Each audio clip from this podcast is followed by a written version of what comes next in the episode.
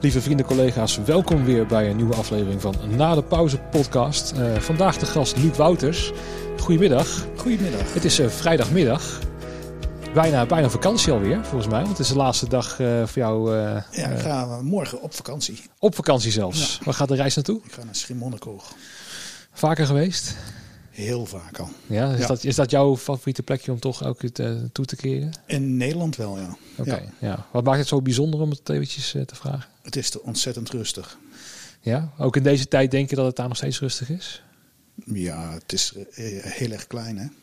Ja, ik ben er nooit geweest. Ik heb geen idee. Hoor. Bert Begeman die zei al een keer tegen mij: waarom ga je niet naar Terschelling voor de verandering?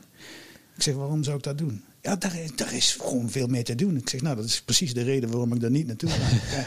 gewoon puur voor de rust. Ja, rust, ja. ja. Heb, fijn. heb je dan nog gewoon een huisje of zo? Of, uh, wat, uh, uh, met de kerst gaan we altijd met familie. Dat hebben we nu wel iets moeten splitsen, omdat dat niet officieel mag. En een van degenen die de en schoonzus van mij die werkt in het ziekenhuis, dus die mag ook helemaal niet. Nee.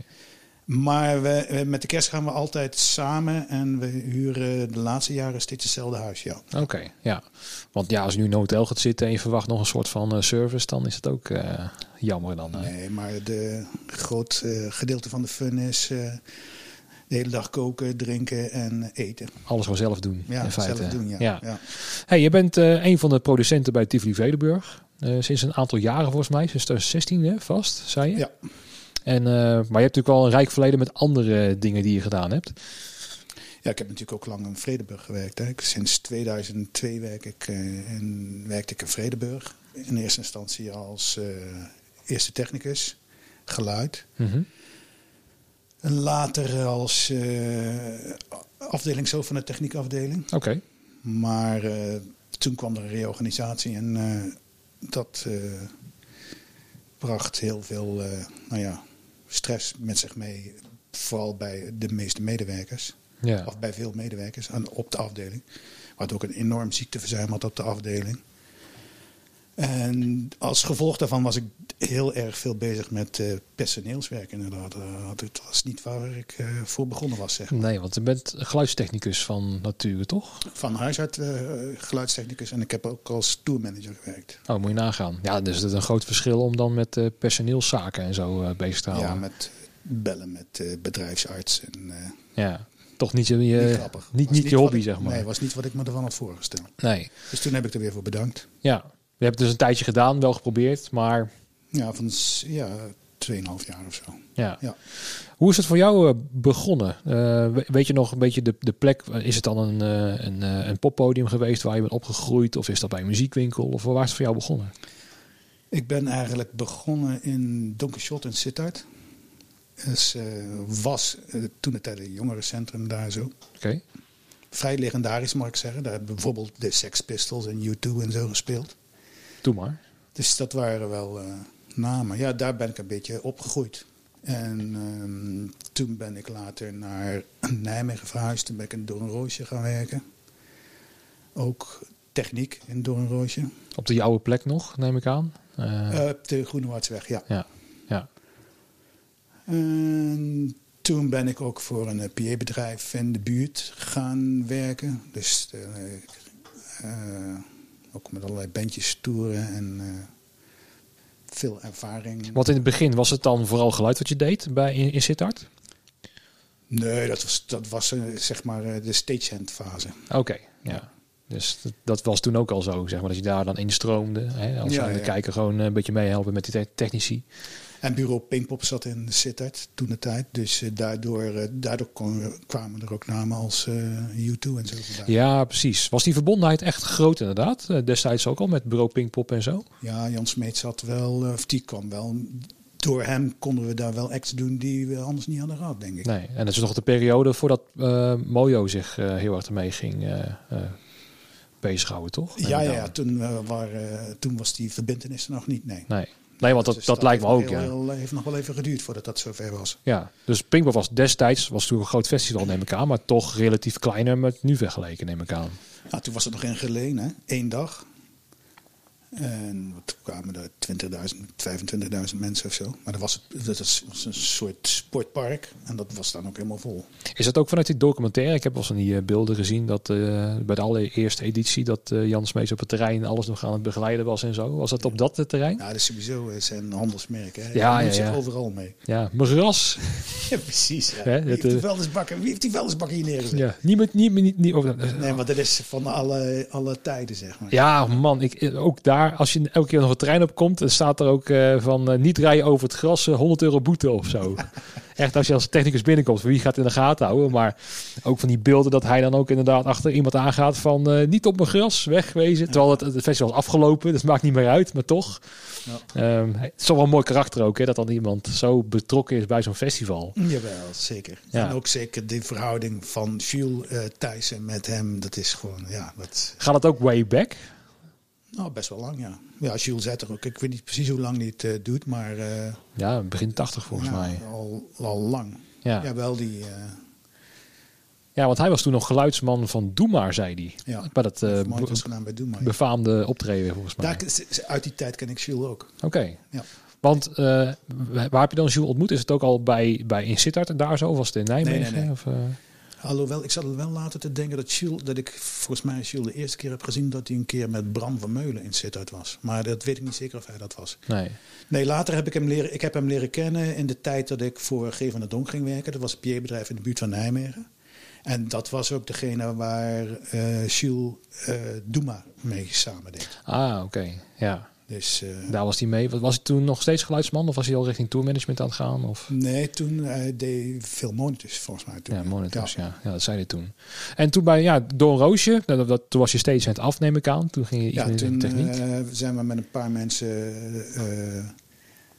een soort techniekafdeling begonnen. Ja. Want ze hadden aanvankelijk helemaal geen PA. We hadden altijd PA van, van het muziekcollectief in Tiel. André de Bruin, die nu bij Amco werkt. ja. Ik weet niet of er nog werkt, maar eh, ja hij en een eh, collega van het muziekcollectief in Tiel kwamen altijd met het PA'tjes naar eh Doornroosje. Oké. Maar ergens, dat moet ergens eind tachtiger jaren is dat veranderd. En toen heeft uh, Doornroosje zelf PA aangeschaft. Ja. Komt toch veel uit Tiel, merk ik. Want ik kom er ook vandaan. Kijk, Ja. En eh, ik had niet verwacht dat er zoveel ook vanuit die origine uit Tiel, eh, dat er toen al bezig was. Want ook het muziekcollectief, ik heb er nog nooit van gehoord, joh. ik weet ook niet of dat nog bestaat. Nee, volgens mij niet meer. Als ik het al geweten, denk ik. Ja. Ja, we hebben nu wel dat. Eh, wel. Nee, het enige wat ik uit, uit Tiel nu nog weet was het 22 was dan het poppodium destijds. Dat is nu veranderd in Zinder. Zeg maar het mini Tivoli-Vredenburg dan, maar dan in Tiel. Maar dan ook weg mini-mini. Ehm, maar ja, Appelpop en die stichting van Appelpop, eh, dus Muzie- Stichting Muziekstad heet het volgens mij tegenwoordig.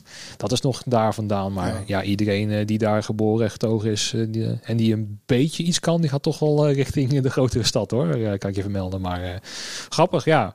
Dus nou ja, Nijmegen, door een roosje. Ja. Toen ging het al richting geluid voor jou.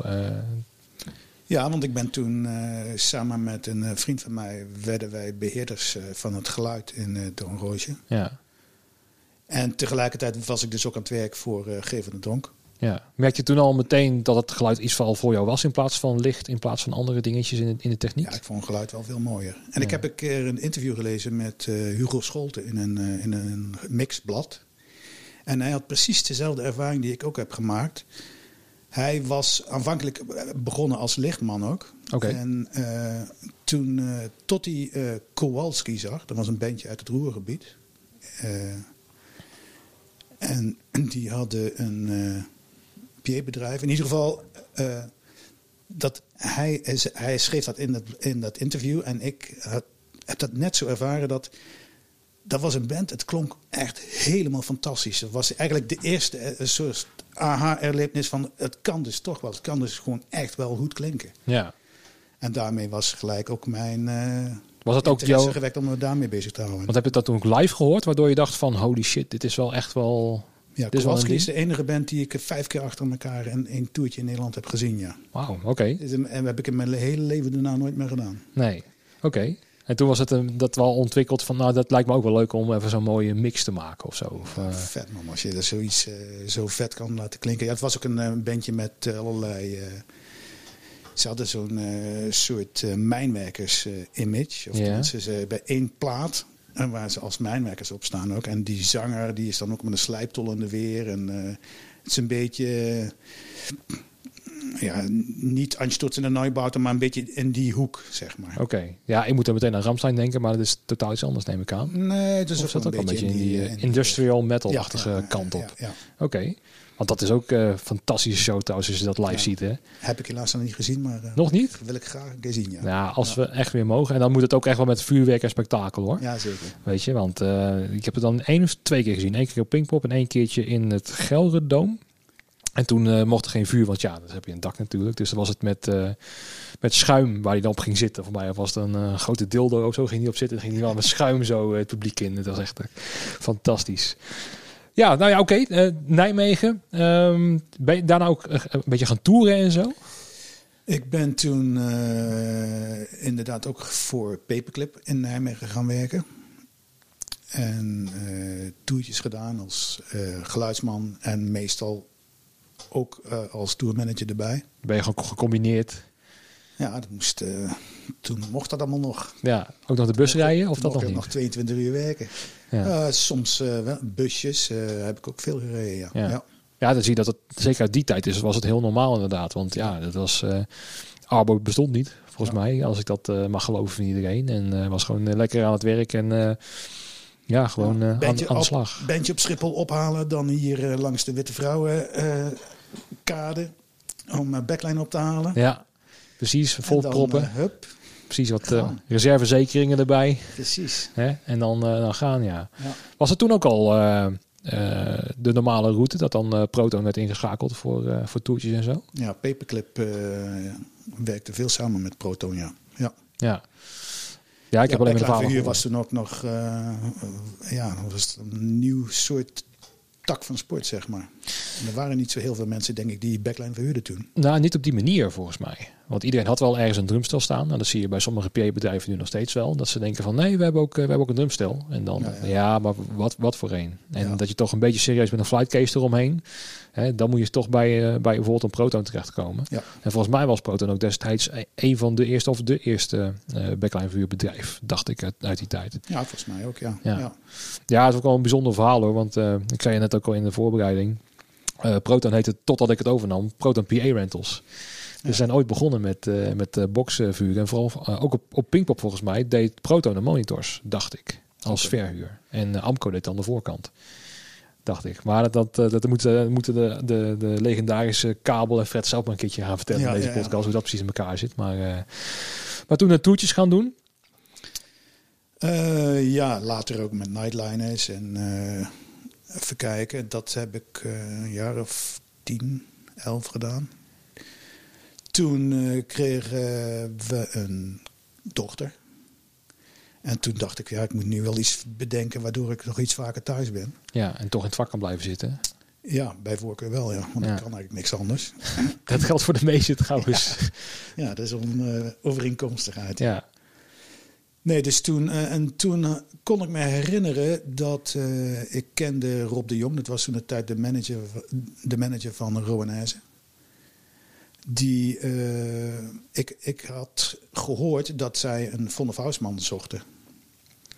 En toen dacht ik, ja, om nou eh, daar iedere, iedere keer eh, in, de, in het bi- bierreken te staan, het was niet het meest ideale wat ik me kon bedenken. Maar ik dacht nou ja, als dat het doel heiligt de middelen. Dus toen heb ik hem opgebeld en toen zei hij, nee, ik zoek geen Von maar ik zoek wel een tourmanager. Toen dacht ik, ja, dat is een uh, spekkoper. Precies, dat is Want dan beter. kan ik uit, de, uit het bier blijven en eh, ik heb toch werk. Ja. En ook Dus- en in Nederland natuurlijk, hè? want Robert Heijs is vooral Ja, Nederland precies. Dat hield dan in dat ik eh, voornamelijk rond het weekend eh, de- eh, moest werken. En door de week gewoon wat vo- voorbereidingen kon doen van huis uit. Ja. Reproductie. eh. dus dat was eigenlijk precies wat ik zocht. En dat heb ik toen drie jaar gedaan, tot 2002. Toen heb ik, eh, toen heb ik me... en toen kreeg ik een baan in Vredeburg Ja. als technicus. Heb je ook echt actief opgezocht dan, eh, dat je naar, naar het Vredeburg ging destijds? Om, eh, Nou, niet, niet specifiek. Ik ben ook eerder opgehouden met Rowanese dan dat ik een nieuwe baan had. Ik geloof dat ik in eh, 30 april ben ik opgehouden bij Rowanese. En per 1 juni ben ik begonnen in, eh, in Vredeburg. In Vredeburg. Ja. Lijkt me ook wel een groot verschil om dan ineens van tourmanagement Rowe Herzen met, eh, met bier hè, of eh, met feesttenten en eh, hè? Nou, ik heb ook nog wel eh, eh, bij theatertoetjes heb ik ook nog wel in, in, in de theaters heb ik wel nog geluid. Ah, oké. ja. Dus ik, toen ik had nog wel veel affiniteit met geluid. ja, precies. Ja. Maar ik ben, ik ben op een gegeven moment, eh, want ik ben in- Vredeburg ook begonnen als geluidsman. Oké. Tot ik erachter kwam dat ik aan één oor eh, slechter begon te horen. En toen ben ik ook van de ene op de andere dag ermee opgehouden. Oké, ja. Om het toch maar te besparen wat je nog hebt. eh, Ja. Ja. Was het geen moeilijke beslissing om dat te doen? Want ik neem aan, als je eh, ja, zo vaak en zo lang geluid gedaan hebt of zo, is dat toch wel een beslissing die je dan ja, niet makkelijk kan nemen. Misschien. Ja, maar het is, eh, het is niet anders. Hè. Nee, is ook al Als je zo. schilder bent en je begint blind te worden, dan is het ook best wel lastig. Nee, dat klopt. Maar ik merk nu ook, eh, zeker in deze crisis, dat sommigen echt wel volhardend zijn van ik blijf en ik zal blijven, ik ben dit. En Ja. hè, toch het moeilijk accepteren dat de wereld er anders uitziet of zo. Of dat je jezelf dan verandert of zo. Maar het Ja. ging relatief makkelijk om, eh, om om te schakelen. Jawel, omdat ik vond, eh tourmanager vond ik ook leuk, altijd. En eh, ik dacht van ja, dat, ja, nee, ik denk, ik denk, kan ook wel zonder, dacht ik. Ja. Als we toch... Was er ook een revolutie aan de gang, want toen, vlak daarna, nadat ik eh, besloten had om geen geluid meer te doen, toen kwamen ook de digitale mengtafels en zo. Hè. En ik ben nooit een computerheld geweest. Dus, Nee. En toen dacht je al, in, in, in, die boot ga ik in ieder geval niet stappen. Eh, nou, liever niet als het niet hoeft, dan... eh, nee. Nee, want dat- dat is inderdaad... eh, de, sinds het digico's en zo er zijn, dan ook op elk festival. Als je dat daar niet op kan, ja. ja, dan... dan Nee, kijk, ik kan, nog lastig. wel, ik, ik kan er best wel mee uit de voeten. In de zin van, ik kan er nog wel op mixen en zo. Maar Mhm. Het programmeren wat eraan vooraf gaat, dat, eh is, ben ik niet voor in de wieg gelegd, denk ik. dan ben je een halve IT'er, zeg maar, om dat eh, nou ja, te en, en, en een beetje, eh, ik ben een beetje digibet, denk ik. dus Oké. dat combineert slecht. Ja, snap ik, ja. Maar met die, met die, met die toertjes, misschien toch een beetje aan name dropping doen, als, als dat eh, kan. Want aan welke bands moeten we denken waar je mee op tour was? Je hebt er OBS al gezegd, maar ja, daarvoor nog, hè, toen je nog Europa inging, wat, waar moeten we aan denken? Ik heb veel getoerd met de, de Walkabouts, een bandje uit Seattle. Die een beetje in de navolging van de grunge, eh, dat was geen grunge, maar een beetje Americana. Daar heb ik veel mee getoerd. Daar ben ik ook nog steeds, met die mensen ben ik nog steeds bevriend. Ik heb hen ook eh, als agent nog verkocht. Oké. Dus dat heb ik ook nog een keer gedaan, een paar keer. Ik heb een bandje, eh, ik heb veel getoerd, of drie jaar getoerd met Towns Van Zandt. Een singer-songwriter die alle andere singer-songwriters allemaal kennen. Maar die, eh, ja. Maar die is inmiddels al eh 24 jaar dood. Ja, dat was. eh, nou. En ik heb nog, eh, ja, wat heb ik nog meer gedaan? Ik heb uit Tilburg, de Softparade heb ik ook mee getoerd. Dat zijn allemaal onbekende namen, moet ik eerlijk Ja, zeggen. die hebben een plaat ooit gemaakt met Dave Stewart van de Eurythmics als producer. Oké, ja, Dat was toen best wel een beetje hip. dat was wel een dingetje. Maar dat is in 1991 of zo, 91, 92. Ja, ja. Ik heb nog een paar eh, eh, dingen uit Australië gedaan. Louis Stillett en Charlie Owen. En nog eh Thin White Rope, een bandje uit Davis in Californië. Kwam het allemaal uit die paperclip hoek? Eh, Nou, in eerste instantie wel, maar later ben ik ook gaan werken. nou, eigenlijk door Towns van Zandt. Ik had eh, gehoord eh, wie de agent was van Towns van Zandt in Europa. En die heb ik op een gegeven moment eh, eh, gewoon opgebeld. En gevraagd eh, of als hij vaker van Zandt ging doen, of ik niet met hem eh, mee mocht. Omdat het, dat was ik de enige waar ik ooit voor, voor ben gaan werken, die, die ik zelf echt helemaal geweldig vond. Oké, ja. Daar keek ik wel naar uit om, om daarmee op tour te gaan. Ja, dat leek me wel wat, ja. Ja. ja. Is het ook uiteindelijk wel gebeurd? Ja, ik heb drie jaar, de laatste drie jaren van zijn leven, steeds ieder jaar in november, december met hem getoerd in Europa, ja. Was het ook al echt een, een, een hoogtepunt? Of was het toch eh, dat je als je held ontmoette dat toch tegenviel? Nee. Hij, ja, kijk, hij, je, je, weet- je weet niet wie het is, maar het, eh, hij eh, was eh, verwend drinker. Dus zeg maar pro- problematisch drinken. Dat wist ik allemaal van hem, over hem natuurlijk. Ja. Maar ja, ik, als mens vond ik hem eh, ja, geweldig, ja. Die, die, ze wist al een beetje hoe je dat moest managen. Want je, je kende hem eigenlijk al van, van afstand. Ja, een beetje, ja. Ja. Zo zou je dat kunnen zeggen. Oké. Ja, en over het algemeen vind ik trouwens dat het beter is om voor bandjes te werken waar je niet echt iets mee hebt. Omdat je dan een, be- een beetje eh, wat meer afstand kan hebben tot de artiest. Ja. En, en dat is, eh, vind ik, heb ik altijd als fijner ervaren. Ja, dat ben ik wel met je eens hoor. Want ook, eh, nou ja, als ik bij Tivoli kwam werken hè, als, als stagehand, eh meestal wist ik niet eens voor wie het was. En dat vond ik ook wel prettig, want dan ga je er lekker neutraal in. En dan blijf ik gewoon scherper, lijkt het wel. Want Ja. als je dan meegaat in die muziek en je zit ervan te genieten, dan zie je niet al die dingetjes die wel moeten gebeuren of die dingen die fout gaan. Ja.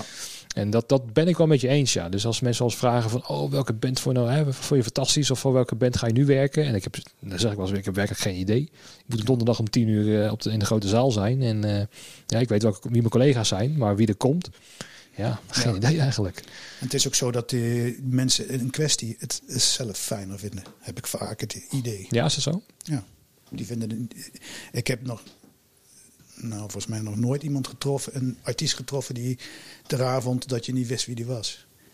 Ja, je hebt sommige ego's er wel Nou, bij oh, zitten hoor. Nee, dan schiet me iemand te winnen. Ja? Henk Jonkers van eh Fatal Flowers eh, vroeger, die heeft ook een- nog een blauwe maandag bij Soft Parade eh, gedrumd. Mhm. is een hartstikke goede drummer. Maar we stonden een keer in een hotel, moesten we inchecken. En toen vroeg ik aan hem, ik zei, hoe heet je eigenlijk voor je achternaam? Zei hij, weet je dat niet? Ik zei, nee. Vond Ja. het niet leuk. Eh, vond hij niet leuk, denk ik. Nee. Maar over het algemeen eh, hebben de mensen daar echt geen, eh, geen problemen mee. Ja, alleen een Little Kleine kan ik nog herinneren. Op een festival of zo bij een beveiliger.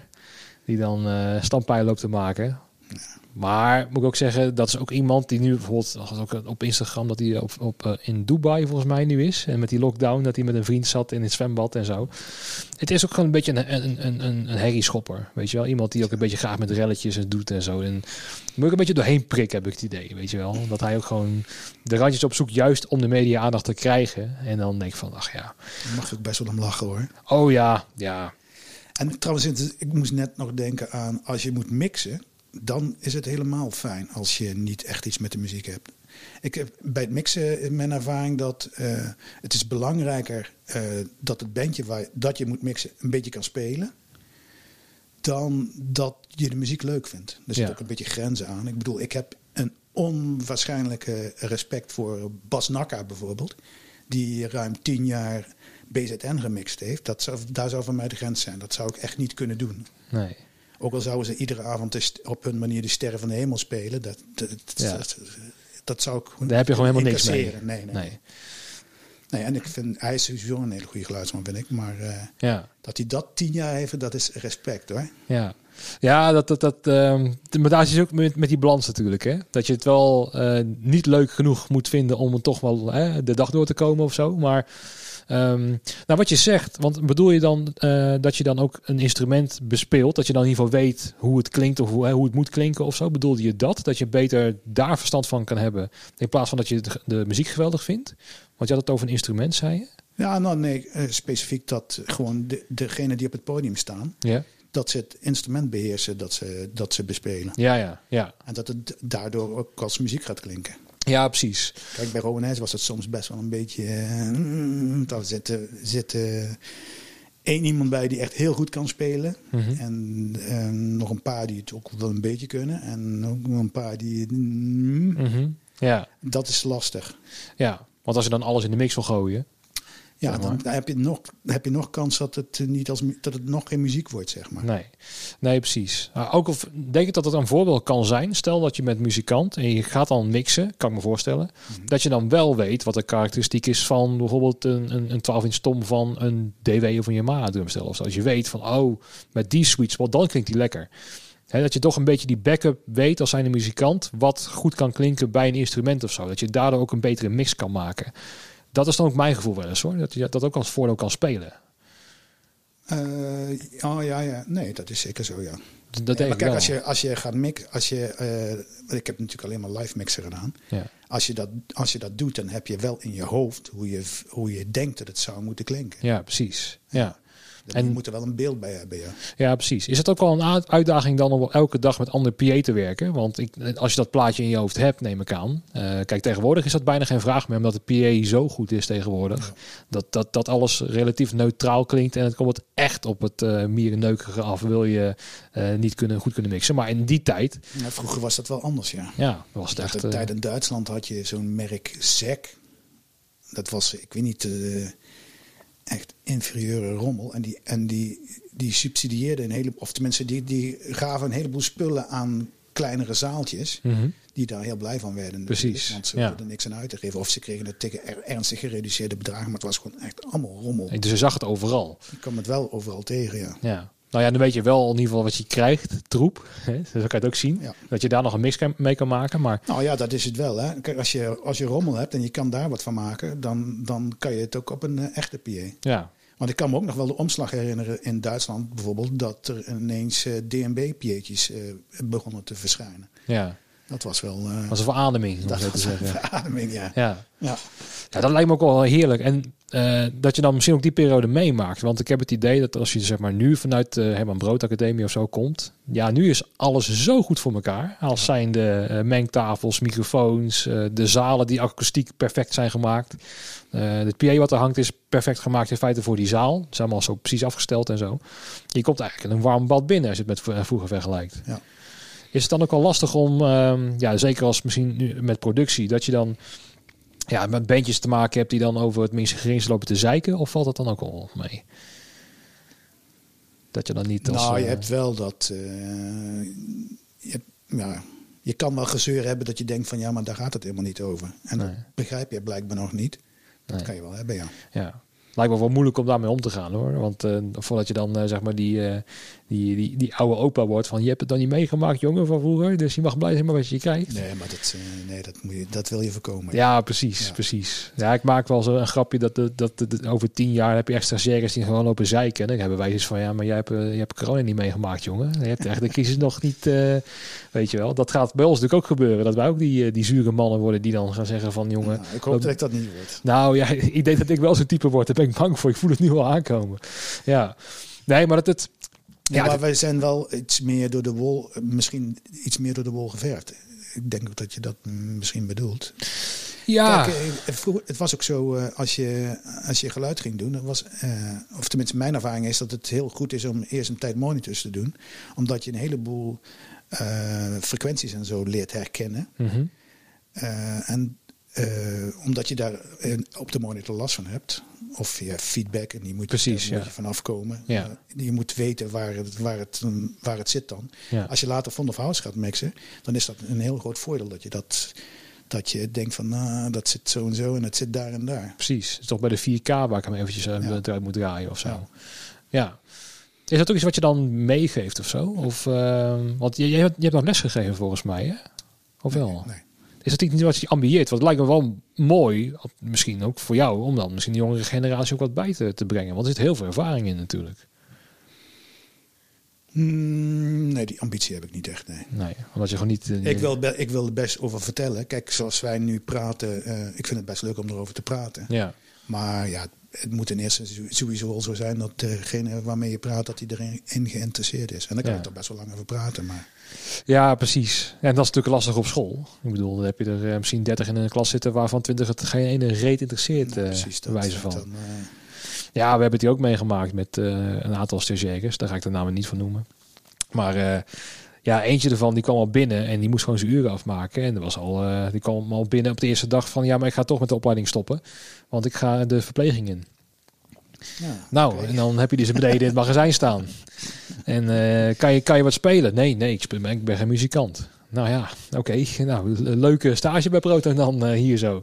En dan is die motivatie ook niet heel hoog of zo, weet je wel. Dan denk je ook, wat, wat moet ik ermee aan? En natuurlijk help je dan de school wel, want die zaten ermee. En van ja, kan je toch wel even wat eh, taken geven. En we dachten nou, ja, dan ga je maar gewoon wat kisten omhoog duwen of zo. Of wat reizers schoonmaken of dat soort ongein. Maar ja, je moet wel een gemotiveerd iemand hebben of zo. Weet je, ik ben, ik ben er wel gevoelig voor als iemand echt gemotiveerd is of juist niet. Ja. Want ik denk dan van als je niet gemotiveerd bent, blijf dan lekker thuis. Ga dan iets doen wat je wel leuk vindt. Want je, hebt dan echt totaal niks te zoeken hier. Maar dan komen ze hier om gewoon hun uren te maken in feite. En vertel, je moet ze letterlijk vertellen wat ze moeten doen. Echt gewoon acht keer op een dag. Ja. Dus dan, dan geven ze een taak. Nou, ga maar even dat even opruimen dan. En dan is van, ja, waar moet ik het terugleggen? Eh, waar kan ik eh, dat vinden? Hoe zit dat in elkaar? En eh, of dan, dan, laat je een half uur wel hun ding doen. Dan zeggen ze niks. En dan kom je terug en denk je van... Hoe krijg je dit nou voor elkaar om het zo hier neer te zetten? Je ziet toch dat dat... oh ja, weet, ik, het is me nooit uitgelegd. En ja, ik weet het niet. En... Ja, op zich, stagiaires zijn er natuurlijk om eh, iets te leren. Dus eh, je moet Ja. in- instructies geven. Maar eh, Tuurlijk, maar je, je merkt al wel aan iemand of die een beetje zelf initiatief kan nemen. ja, of die inzicht heeft ook. Dat Precies. merk je vrij snel. Ja. Ja, want ehm, kijk, ik kon ook bij Tivoli beginnen lopen. En natuurlijk in het begin weet ik niet wat houtzagerij is. Dus dan moet je het eventjes eh, laten, laten vertellen wat het is en zo.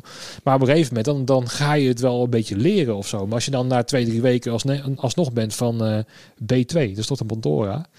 Ja, dan, dan schiet het gewoon niet op, weet je wel. En dan als je iemand echt bij de hand moet nemen, ja, dan dat, dat, dat gaat gewoon niet. En ik hoop zeker hier bij Proton dan dat er... Ja, ik bedoel, als je op zijn opleiding zit en je bent muzikant en je komt hier binnen met al die mooie instrumenten en zo en al die versterkers. Ja, sommigen die zijn daar dan zo blij mee om daarmee te kunnen werken. Zo van, oeh, oeh, mag ik die testen? Ja. Daar hopen wij dan een beetje op, op dat enthousiasme. Ja. Ehm, en ik kan me dan voorstellen, stel als je voor een klas staat of zo, en dat jij met passie over je ding vertelt, hè, over vroeger en hoe het dan ging en eh, wat je hebt meegemaakt. En ook die jongens wat Bijbel, eh, of meisjes, wat Bijbel leren. En dat ze dan gewoon onderuitgezakt eh lekker op Twitter zitten. ja, daar zit je niet op te wachten. nee. Dat kan ik me voorstellen, ja. Maar ja, wat je zegt, vertel nou of, eh, van eh, verhalen over vroeger. Ken je Toon Sengers of niet? God, nee. Zegt hij daar nu wat? Die, die heeft ook een, een bus waar die ook eh, als, als nightliner verhuurt. Dan moet je even een paar voorzetjes gaan geven. Ja, want, die was, woont, komt ook ergens uit Noord-Limburg volgens mij, in de buurt van Nijmegen. Oké, ja. Maar die, omdat jij zegt van, die had vroeger de bijnaam Toon, vertel nog eens van vroeger. Oké, Omdat hij altijd oude koeien uit de sloten halen was. ja. Nou, ik wil niet, eh, zo'n bijnaam wil ik niet krijgen. Nee, precies. Nee, oké. Nee, snap ik. Maar Maar een goede verhaal op zich, maar eh, ja, ja, het moet niet inderdaad helemaal het moet niet je doorslaan. handelsmerk worden. Nee, precies, precies. Nee, dat klopt. Nee, ik, ik kan ook wel goed ouwe hoeren hoor. Dus eh, ja, ik niet, niet, niet, niet, niet deze podcast begonnen. Maar eh, nee, ik, maar ik vind het wel leuk om gewoon leuke verhalen te horen, weet je wel. Eh, ik ben er wel benieuwd naar. Want eh, je hebt die, die podcast van, van Gilles geluisterd en zo. En ja, weet je, er zit gewoon zoveel, je hebt zoveel dingen meegemaakt. En ik ben gewoon heel benieuwd naar die verhalen. Want ook als je wel eens backstage ook bij, met, bijvoorbeeld bij Tivoli loopt. Ja, ik begin elke keer over. Maar ja, daar ben ik zoveel, ik heb er zoveel meegemaakt. Natuurlijk. Ehm, dat je dan ook al die verhalen hoort, weet je, dat de Muddy eh, weer vertelt over dat en dat en dat en eh, dan ja Bossen weer eh, erbij en ja, dat- dat- dat- daar, daar doe ik het wel een soort van voor of zo, weet je wel, want ja, iedereen weet wel hoe je zo'n eh, zo'n drumprak op 60 hoog neer kan zetten, want daar zit de uitdaging niet in, Ja. weet je wel, maar het is gewoon heerlijk om zeker bij, bij, bij zo'n pand rond te lopen en gewoon al die unieke figuren te zien en gewoon weer even te spreken hoe het met ze gaat en zo en ja, dat gemis is zo groot, vind ik dan in ieder geval. Ja. Gewoon een beetje die reuring in de tent. Dan heb Ja. jij dat nu ook niet als je nu bij Tivoli rondloopt en dat je dan toch, ja, weet je, toch dat er iemand binnenkomt waar je die je lang niet gezien hebt of zo, toch weer even mee kan kletsen of toch een beentje wat er binnenkomt. Of, Maar ik kom natuurlijk zelf ook heel weinig. eh, Ik woon sowieso niet in Utrecht. Dus, eh, ik, en het meeste van mijn werk kan ik gewoon thuis doen ook. Oké, ja, ja. Dus ik ben er relatief weinig. Hmm. Eh, soms voor stage manage diensten. En dan kom ik inderdaad wel mensen tegen die ik al lang niet gezien heb. Ja. Zelfs directe collega's die ik al lang niet gezien heb. Het- Dus was het eigenlijk toevalstreffend dat ik, dat ik tegenkwam eigenlijk in de grote zaal. Ja, want ik was, eh, toen was ik stage manager daar zo, ja. Ja, want mijn idee was dan, eh, dat is natuurlijk heel naïef van mij, maar ik dacht, ja, dan zitten ze daar op kantoor en dan, eh, ja, wie gaat er nou steeds managen? En die loopt dan naar beneden en doet gewoon even zijn taak. Heel Nee. erg stagiair gezegd, dacht ik dan. Ja, hè? ja. Nee, zo Maar- is het niet. Nee. Dat is echt wel toeval, ja, want ik liep daar binnen en ik ging een opname met Catharina Krom doen, dacht ik, in de Pandora. En toen liep ik dus even gewoon even naar de grote zaal, omdat daar mensen bezig waren. Dus Frank Timmerman was er en jij en eh, Jolijn volgens mij was ook aan het werk eh, daar zo. En dan ga ik weer vanuit mijn naïeve brein, eh, ga ik ervan uit dat het gewoon is van, oh ja, dan heb je de Tivoli crew weer, gewoon simpel, hè, hebt een vast paadje en zo. Maar je kan het ook heel, vanaf, heel veel vanaf thuis werken. Ja, alle pre-productiewerk doe ik thuis nu. Val, hoeveel valt het te pre-produceren op dit moment? Hoe dit bevalt? Nee, hoe, hoeveel valt er te, eh, eh, te produceren? Want ja, het is Nou, best wel redelijk wat, maar dat gaat ook best wel. gaat allemaal niet door. Uiteindelijk niet door. Nee. Dus het is af en toe een beetje water naar de zee dragen. Maar ja, goed. het, eh, ja, we produceren wel, denk ik. Ja. Ja. Want hoe sta je in de wedstrijd? Daar ben ik wel benieuwd naar. Want kijk, ik kijk vanuit mijn perspectief. Ja, ik hoop natuurlijk dat iemand weer een offerte gaat aanvragen voor een piano of zo, voor een backline überhaupt. Ehm, en ja, ik zit te wachten op werk natuurlijk. Eh, maar ik kan me voorstellen vanuit een, jouw perspectief dat het heel anders is, weet je wel. Want eh, Nou, we, zijn een, er wordt ook een beetje gereorganiseerd bij ons op de afdeling. En eh, in combinatie met ook de... ze willen de programmaafdeling dichter bij de producenten brengen. En ze willen ook een aantal technici dichter bij de producenten brengen. Dus zodat je een soort eh, eilandjes krijgt die zich dan bezighouden met een, eh, een stukje van het geheel. Dus ik ga nu vooral, of tenminste, het is de bedoeling dat ik nu voornamelijk jazzdingen ga produceren. oké. Daardoor heb ik veel met Guy te maken, want Guy is de jazzprogrammeur. Mhm.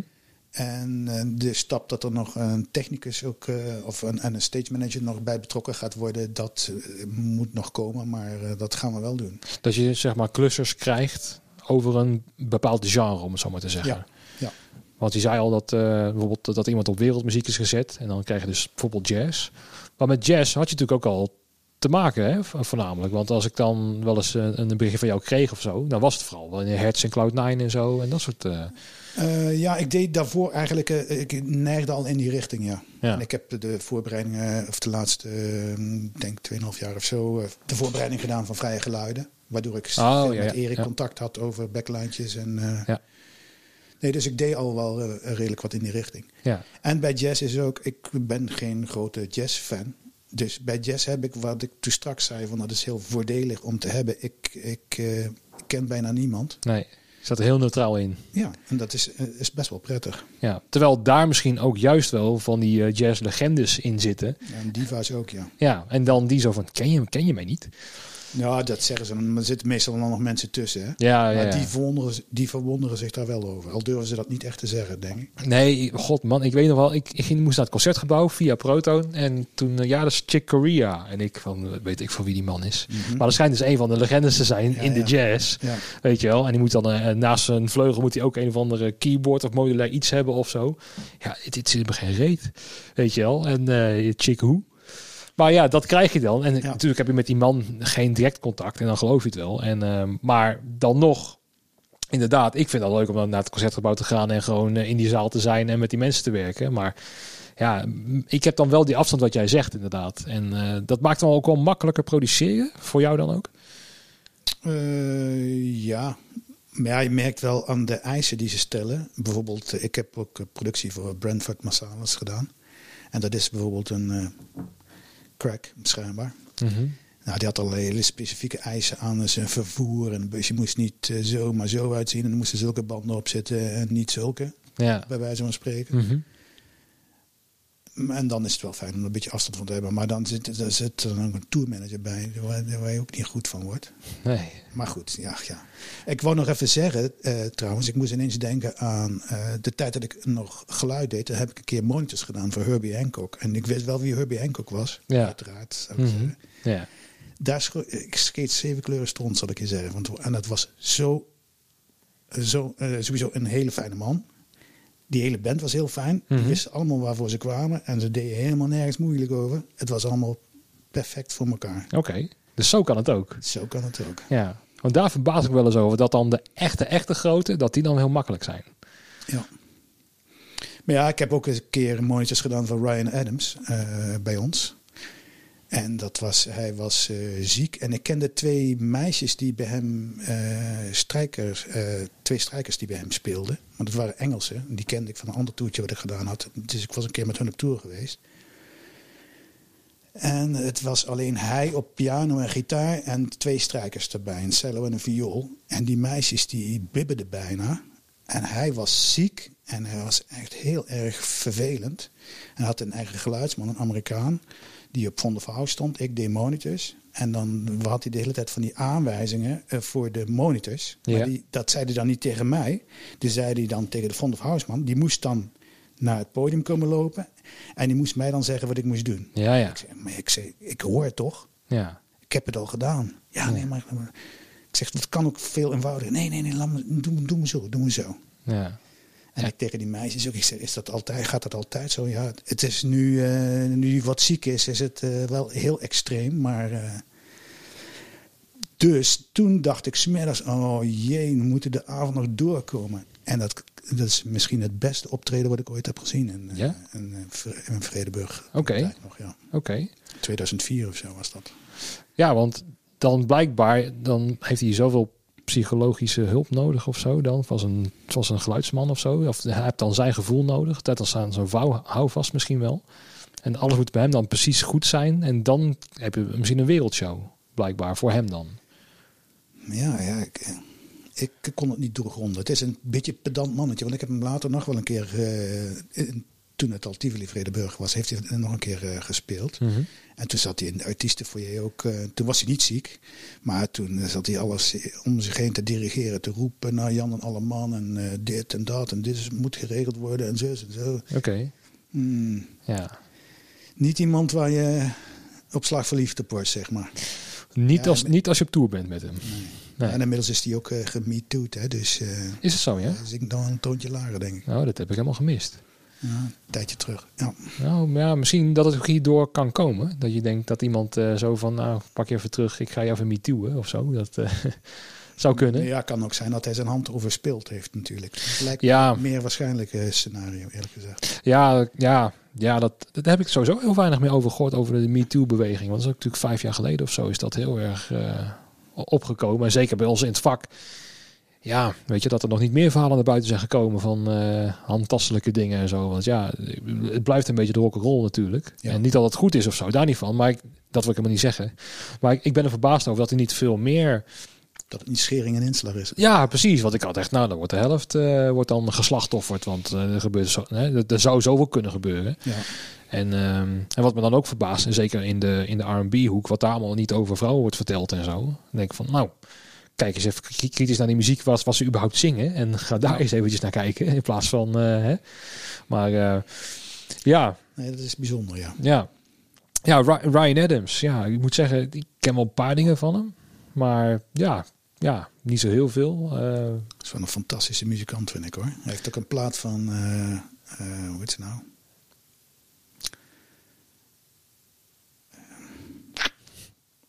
Nou, schiet me zo te binnen. Ja. Hij heeft een, een plaat van zo'n, eh, hoe heet ze nou? Helemaal gecoverd, 1989. Van, eh, mm, van een vrouwelijke artiest, zeg je? ja, een grote vrouwelijke artiest die eerst eh, country maakte en dan nu een soort popmuziek maakt. Dan heb je het over Taylor Swift. Taylor Swift. Heeft hij integraal gecoverd die plaat en dat is hij fantastisch gedaan. Is dat zo, ja? Ja. Oké. Heeft er dus eh, zeg maar niks aan veranderd. Teksten niet, en muziek, ja, heeft het zijn eigen draai gegeven, maar eh, Ja. verschilt niet wezenlijk van wat zij heeft gemaakt. Is dat echt van de laatste tijd dat hij dat uitgebracht? Mm, nou, een jaar of, eh, is wel een jaar of vier oud, denk ik. Ah, Oké. Nou, ga ik toch een keertje naar luisteren. Want eh, vind ik misschien ook wel een van... Misschien ga ik er heel erg eh, tegen zere been aan schoppen. of zo, Maar ja, Taylor Swift vind ik best wel onge ongewaardeerd, eh, ondergewaardeerd muzikant. Waarom denk je dat je mij dat tegen... Nee, nee, de luisteraar misschien dat hij denkt van... Fucking Taylor Swift, man, waar heb je het over? Maar Geweldige muzikant. ja, weet je, wat, wat die allemaal kan. En wat ik ook dan hoor uit het wereldje. Hè, dat ze dan ook echt alles wel zelf schrijft en zo. En hoeveel er uit haar komt en zo. Dan denk ik, nou... En dat ze dan ook echt wordt genaaid door die, door die Scooter Brown of zo, geloof ik, dat, eh, dat hele verhaal. Dat hij alle rechten heeft opgekocht, puur maar gewoon te stangen en zo. Denk ik van, Ja. jezus waar zijn we toch mee bezig, joh?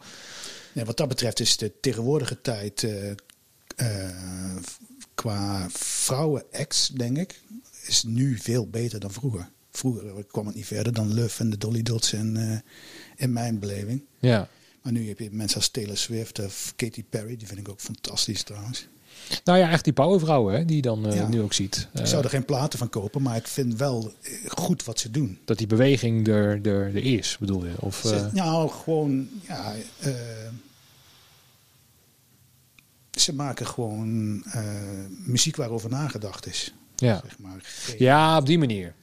Ja, dat is Het ook zijn toch... vakmensen. Ja.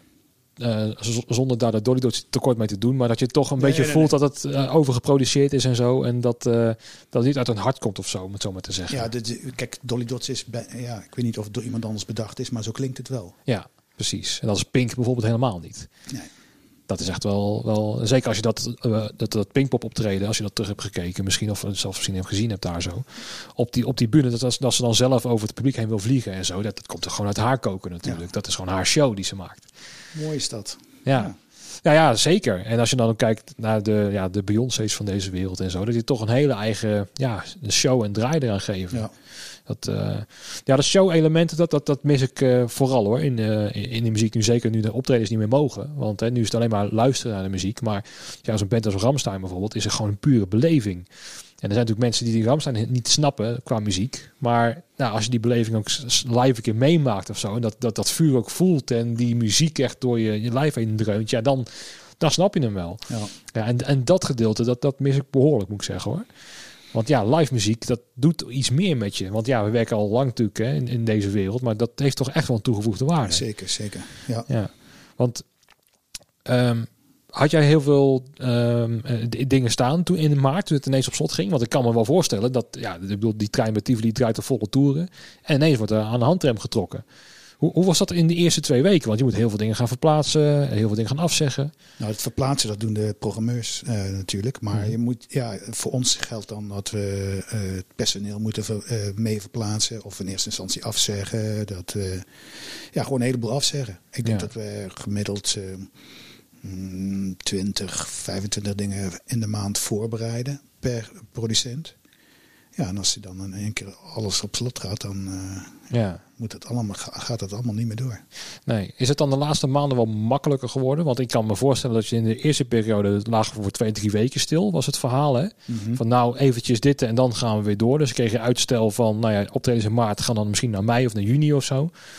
Uh, dan wordt de dingen nog verplaatst. Maar in deze tijd is het gewoon kansloos om te verplaatsen. Want ja, weet je. Ja, ze worden nog steeds verplaatst. Zelfs nu al tot uh, N22 en zo. Ja, of zelfs gecanceld zag ik al. Ook, ja. Dat gewoon niet ineens meer doorgaat. Ja, maar... sommige zijn al een paar keer verzet en worden nu uiteindelijk gecanceld, ja. Ja. ja. Is, is dat al anders? Want ik kan me wel voorstellen dat het nu iets... Ja, je weet in ieder geval in welke situatie we zitten nu na acht, negen maanden uh, in, in, deze onzin. Uh, dat het toch wel... Kijk, in het begin weet je niet waar je aan toe bent. Weet je wel? Want in begon ons ook ineens begon... Uh, het was net voordat Transition zou gaan beginnen, ja. volgens mij. Ja. daar zo. En bij ons zou Olita Adams op tour gaan. Uh, ja. Dat weekend ook. Die zou ik voorbereiden ook. Oh, serieus? Toevallig, ja. Nog grappig, ja. Nee, want uh, Han de Lima zit daarop ja. vanuit... en Harry van Hoef zou erop mee op tour gaan. En Natasja van, van Amco en zo. En dan alle backline van ons. En um, nee, hadden we echt nog een, een, echt een, een logo uh, met haar uh, naam op de bezem laten maken en zo. En het was echt, echt af om op tour te gaan. Uh, maar toen het hier ook ineens gewoon totaal op slot kwam. Ik dacht dus van, oh god, er gaat 6000 euro voor de tour gaat door, door, door de neus worden geboord. Toen dacht ik nog aan, aan dat soort dingen. Hè, van god, 6000 euro. Die werd er in eerste instantie ook verzet. Ja, naar september. Er is eerst een andere datum voor gekomen. Ja, ja, ja het werd, werd, eigenlijk verplaatst. Want uh, daar was Mojo wel heel goed in, vond ik. Die had meteen al een, een schema van... oké, okay, nou dit scenario zou dus kunnen gaan gebeuren. Dus dan was het al van oké. Okay, uh, dus het was het volgens mij dat... Olita werd dan verplaatst van naar september, oktober volgens mij. En er was toen nog sprake van dat stel nou dat het dus niet in een theater kon, want het is natuurlijk wel uitverkocht, weet je wel. Het zou dan in de grote zaal staan bij bij de grote uh, zaal, ja. Precies. Nou ja, het kunnen. Hoeveel kunnen in een grote zaal zittend in zo'n optreden? Uh, nou, met uh, met een backdrop. nou, was het helemaal? Dat weet ik niet. Ja, ik denk dat het drie kwart zal zijn ongeveer wat normaal is nou, bij een. Was er dan nog 1400 mensen? In, ja. Nou, er was toch mij sprake van dat, nou, stel dat dat niet mag, maar je moet toch die 1400 mensen kwijt, dat dat dan bijvoorbeeld in de AFAS kan. En dat ze dan bijvoorbeeld twee keer op een dag zou optreden en dan 1400 man in plaats van 5000 en dan gespreid van elkaar af. Dus er waren nog heel veel opties open, maar ja, het was, uh, uh, toen was het uh, augustus, september, het was het al van, nou, we gaan weer, we mogen helemaal nog helemaal niks. Ja. En, maar dat lijkt me ook dan wel lastig om dat dan te produceren. of valt dat mee? Of hoe heb jij dat beleefd? Uh, nou ja, ik heb gedaan eraan wat ik kon doen. Maar het uh, was al uh, redelijk snel duidelijk dat het niet doorging, geloof nee, ik. nee. Han was er wel op tijd mee begonnen. Had me al, al wat advancing spullen gestuurd. En ik weet ook wel dat Natasja en zo altijd met haar mee gaat. Ja, vaste backliner. Ja. ja. Dus nou ja, sowieso met Han gaat het meestal wel vrij soepel. Ja, man. Maar ik, eh, eh, het was nog niet helemaal, wat mij betreft, helemaal afgerond of zo. Het was niet zo dat ik eh, alles al een kan en kruiken had. Het was eigenlijk het begin mogen wachten op details. ja. Ja. En ja, toen werd het verzet. Ja. Nou, ik bedoel het meer in algemene zin, zeg maar. Dat, dat, dat, weet je, dat je toch met, nou, wat je al zei, met, met 20 plus producties bezig bent of zo. per maand. En dat dat dan, zeker in deze periode, dat alles echt gewoon, nou ja, weet je wel, dat je al de Walk the Line met 30 man nu staan, bij wijze van spreken, en dan wordt ook ineens gecanceld. Eh, ja, dat het toch wel lastig is om dan nog te, ja, om echt dingen te kunnen produceren of zo. Want je weet niet waar echt waar je aan toe bent of zo. Je moet er gewoon altijd vanuit gaan dat het doorgaat. Ja. Ja, nee, tuurlijk, tuurlijk. Ik bedoel, als Nee, ik bedoel, ja, dit is. En hier achteraf, ja. Ik bedoel, eh, wij. eh, ik ben blij dat ik het nog mag voorbereiden. ja, En in de wetenschap dat er een hele goede kans is dat het uiteindelijk niet doorgaat. ja. Maar ik ben blij dat ik nog wat te doen heb. ja, en dat je nog een soort van licht aan de tunnel kan zien of zo. Dat er wel iets Zeker. gedaan wordt en zo. Ja.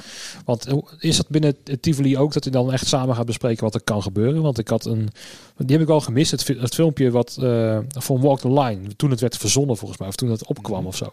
Is dat echt een collectief geweest vanuit Tivoli Vedenburg? Dat er echt een idee was over een nieuw, een nieuw concept? Of was het concept er al dat ze dat wilden gaan doen met een, eh, eh, een Willy Wonka golden ticket? En dat je dan door Nee, het pand dat is heen- eh, ontstaan toen alles op slot ging. Dat idee. ja, Ik weet niet wie het bedacht heeft, maar dat heeft wel iemand bij ons bedacht. ja, En dat filmpje, wat een geniaal filmpje was. eh, Je bedoelt dat waar die poster op te zien is ook. God, ja, ik ben het weer vergeten, Animatiefilmpje, of niet? Nee, het was echt een filmpje volgens mij uit de voorbereiding. Maar dat, dat, dat kwam ik op het tijdlijn voorbij en ik heb het niet aangeklikt. Maar voor mij was het van de week of zo dat er iemand had gepost van hoe het een beetje ontstaan was, dat Walk the Line, dacht ik. Nee, het is wel eh, bij ons eh, bedacht, ja. Ja. Ja. En ook wel succesvol gebleken. Ja. Toch? De kritieken er- erover zijn heel goed, ja.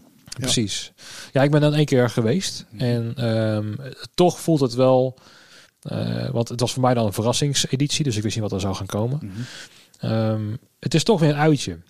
En dat is dan heel erg persoonlijk misschien wel, maar ja, je bent er toch even uit. Je bent eventjes gewoon ehm, ja, van, van huis. Je kan wel wat beleven met een vriendin of zo. En het, het voelde alsof je gewoon wel eventjes, ja, je hebt iets beleefd of zo op een Ja. dag. En ja, dat is de laatste tijd natuurlijk een stuk lastiger geworden. Eh, Ja, nee, zeker. Maar eh, het, kijk, ja, het is een eh, creatief ding, hè. Je- we- we- eh, daarvoor zijn we er. Ja, We moeten oplossingen bedenken. Kijk, het, is, het heeft mij ook verbaasd hè, hoe, hoe vaak de condities veranderden en er toch steeds oplossingen bedacht werden en met, voor de nieuwe situatie. En dan waarschijnlijk in de wetenschap dat het morgen weer anders kan zijn. En dat is, dat is best wel. Eh, ik sprak eh, vrij in het begin een keer onze Jeroen, eh, onze directeur. En die vroeg aan mij: hoe gaat het? Ik zei: ja, het gaat goed. Eh, ik heb nog nooit zo rustig gehad, zei ik. Hij zei: Oh, ik heb het nog nooit zo druk gehad als nu. Ja, dat is met dat soort dingen. Gewoon iedere, het is net alsof er iedere dag de kaart opnieuw geschud worden. ja, En eh, nou, dit is de situatie nu. Eh, bedenk maar wat. ja. En je kan, nooit, je kan bijna niet anticiperen op wat er misschien volgende week gaat gebeuren. Want tja, hier wordt Ja. steeds door de waarheid eh, ingehaald. Is iets waar je gek van kan worden of kan jij dat goed loslaten? Nee, ik kan dat wel loslaten, ja. Maar ja, ik, eh, kijk, uiteraard wordt van iedereen eh, verwacht dat eh, hij of zij eh, eh, dingen bedenkt. Mhm. Daar worden we ook actief om gevraagd. Eh, als je een idee hebt, kom ermee. Want eh, Ja, we kunnen altijd kijken of, we, of wat we ermee kunnen. Ook al eh, lijkt het je niet realistisch. Misschien, misschien zitten er wel elementen in waar we iets mee kunnen. maar dat lijkt me heel fijn. Want ja, ik kan me voorstellen als zijnde freelancer of zo. Je kan één ding doen of ik met dit bedrijf bijvoorbeeld. Ja, ik kan heel veel dingen verzinnen. Maar ja, die backline verhuur. Ja, ik kan het aan particulieren gaan verhuren. Leuk idee. Maar het, het, de kans dat gestolen wordt is veel groter. En dan ben je eh, verder van huis. En je krijgt mensen over de vloer die niet wil hebben. Ja, Ja, weet je, dat is toch lastig. En zeker als je dan bijvoorbeeld eh, ja, een, een poppodium hebt. Ik zag dat de Paradiso bijvoorbeeld een, een markt was begonnen. Met allemaal merch verkopen, dacht ik. Weet je, wel, je kan nog wel dingen, dat is nu ook gesloten natuurlijk. Want ja, het is niet, niet, niet essentieel. Ja. Ja, wel voor een voorbestaan, maar niet voor eh, levensmiddelen. Maar daar kan je nog wel dingen in doen inderdaad. Alleen, ja, voor, voor de rest in het vak is het wel soms moeilijk om daar iets in te vinden. Kijk, Van Hamtenten, die is nu ook bijvoorbeeld ehm, eh, tentjes eh, aan het eh, leveren voor winkeliers. Dat ze die buiten kunnen zetten om daar nog te kunnen verkopen. Want dat zou nog wel mogen. Ehm, maar dat begint in de kern bij wat ze, wat ze al hebben. Ja. Weet je wel. En ik kan me echt in jouw geval heel erg moeilijk natuurlijk. Ja, omdat het zo'n niche is. Hetzelfde voor DJ Gear bijvoorbeeld. Ja, die heeft gewoon puur alleen maar DJ spullen. Ja. En ja, wat moet je daarmee? Weet je wel? Ehm, je kan het niet verkopen, want over een half jaar is weer kaart nodig. Je zit gewoon wel en dat op zich wel een beetje vast. En dan, dan kan je wel makkelijk roepen vanuit zeker de regering van ja, dan ga je toch even omscholen of eventjes wat anders verzinnen of even er anders mee omgaan. Maar ja, zo, zo makkelijk gezegd is dat niet. Zeg maar, weet je Ja, wel? gezegd wel, maar gedaan. Ja, gezegd inderdaad wel, ja. Nou, ik, ik wil het wel eens omdraaien. Ik wil het bij hun wel eens zien. Ga jij maar eens een keer voor, eh, voor 1000 euro in de bijstand. En ga jij maar een keertje gewoon eh, niet doen wat jij, al de hele, eh, waar, waar jij voor in het leven bent geroepen. Hè, of voor gestudeerd hebt. Precies. Ik wil kijken hoe jij dat makkelijk kan oppakken. Ja. Weet je wel. Het is, het, er wordt wel iets van je gevraagd, neem ik aan. Maar Nou, jij bent vrij snel met die podcast begonnen. En heeft dat verder niks met backline voor u te maken, maar, nee, ik verdien ook helemaal niks mee. je, ja, maar je gaat niet bij de pakken neerzitten.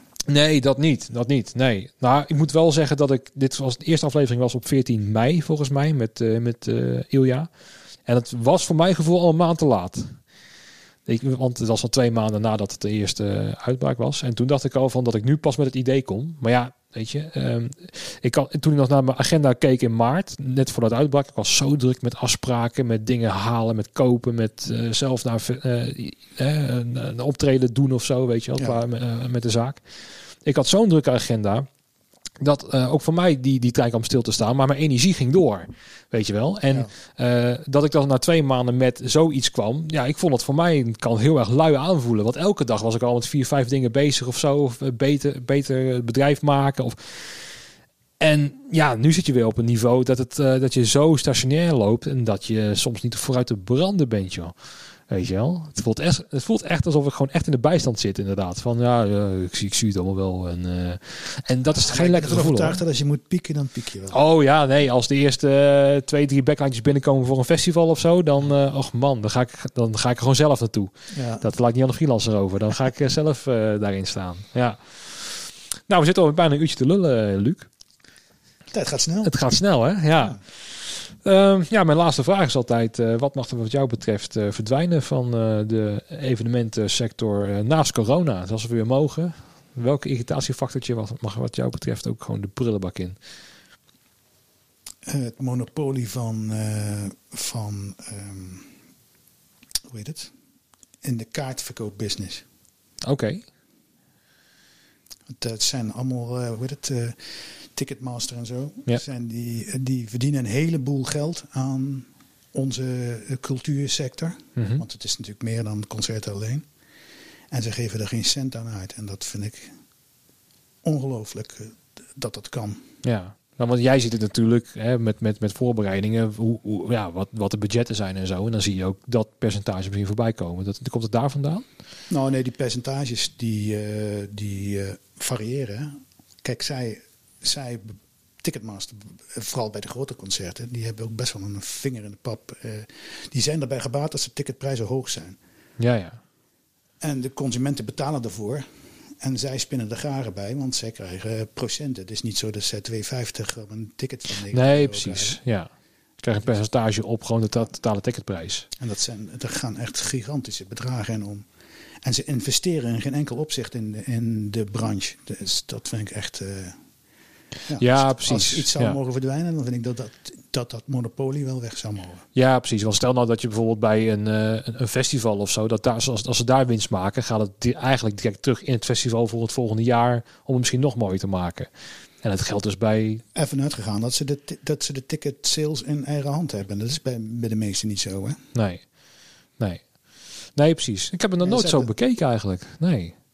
Dat, eh dat de Ticketmaster gedoe. Want die hebben natuurlijk ook best wel. Zitten nu in de problemen. Want ja, al die tickets, die, eh, er wordt gewoon niks verkocht nu. Ja, maar ze, ja. Nee, als het weer losgaat, dan. eh, Maar het, het is ook niks wat ze verkopen. Hè? het is een, ja, een, een tussendienst of zo hebben ze dan. Ja, Een platform. Maar het is niet heel dramatisch, zeg maar, als je die... Kijk, je maakt min, uiteraard minder winst. Maar eh, het is niet zo dat je dan eh, duizenden mensen moet ontslaan... omdat het eh, Nee, nu even anders is. omdat het gewoon eigenlijk een systeem is. Wat, Ja. wat, wat- ja precies. Vind ik een goeie. En het is op Ja. zich eh, goed bedacht natuurlijk. Mhm. En ik bedoel, iedereen mag iets bedenken waar hij geld mee eh, kan eh, verdienen. Maar als je er zo over nadenkt, eh, als, zoals wat ik nu zeg, van, Mhm. ze, ze verdienen er een heleboel aan. Maar het kost ze helemaal, ze investeren er ni- niks in de branche. Het is alleen maar, Krijgen, ja, ontvangen. ja. Ja, precies. Ja, vind, vind, vind ik wel, vind ik wel een mooie inderdaad, ja. Want als ik dan over nadenk, nou ja, bijvoorbeeld bij, bij dit bedrijf, ja, alles wat hier eh, eh, ja, aan winst komt, ja, dat is in feite, in, in mijn optiek gaat het gewoon weer, oké, hoe, kan ik het- hoe kan ik het nog meer verbeteren? Hoe kan ik de, de, de, ja, de dingen nog mooier maken of zo, dat de muzikant nog blijer wordt, weet je wel? Echt herinvesteren in het bedrijf en ook in het personeel. Want er was ook een plan dat we daar ook in zouden groeien, bijvoorbeeld, inderdaad. En dat ja, maar het, je eh, verkoopt ook iets tastbaars, hè? ja. Het is niet, het, ja, Nee, want ja, het is, het is een kaartje, dat is niks. Nee, ja, het is, het is een pdfje wat je via de e-mail krijgt. Dat Ja. is het dan, ja. Ik, eh, ik ga erover nadenken, want ik vind het wel mooi inderdaad. Ja, nooit over nagedacht zo. Ja. Nou, ik denk niet dat het heel eenvoudig te veranderen is, maar... eh, Nou, kijk, de- Ik had, ik had die, deze vraag gehoord vorige week toen je die in Ingu stelde. Toen dacht ik, oh, nou, toen heb ik even tijd om erover na te denken. En toen dacht ik, ja, dat is wel een ding. ja, want ik heb hem ook nooit eerder gehoord of zo, inderdaad. Want eh, als ik erover nadenk, want is, heeft Ticketmaster ook Ticketswap of niet? Weet je dat? Of dat, Dat ook een, een, een, een ding is? dat dit bedrijf is. Nee. Want eh, nee, ja ik, ik, ja, ik denk wel dat eh, over het algemeen hoor, dat geldt voor alles zo, dat als er iets te veel macht krijgt, komt er altijd weer een tegenbeweging. Nou, het, ik weet wel bijvoorbeeld dat eh, Ticketmaster en, was vroeger een onderdeel van, hoe heet het? Was samen met Live Nation een onderdeel van Clear Channel. En in Amerika hebben ze daar problemen mee gehad. Want in Amerika vonden de mededingingsautoriteit, of wat, hoe dat daar ook heet... die vonden dat zij te veel een monopolie hadden in al die takken van sport. Ja. Daarom hebben, ze het, daarom hebben ze het uit elkaar moeten halen. Wat ze nu ook met, ehm dat is off, off topic, maar wat ze met Facebook ook doen, met WhatsApp en Instagram en zo, Precies. zijn ze nu ook mee bezig om dat uit elkaar te trekken.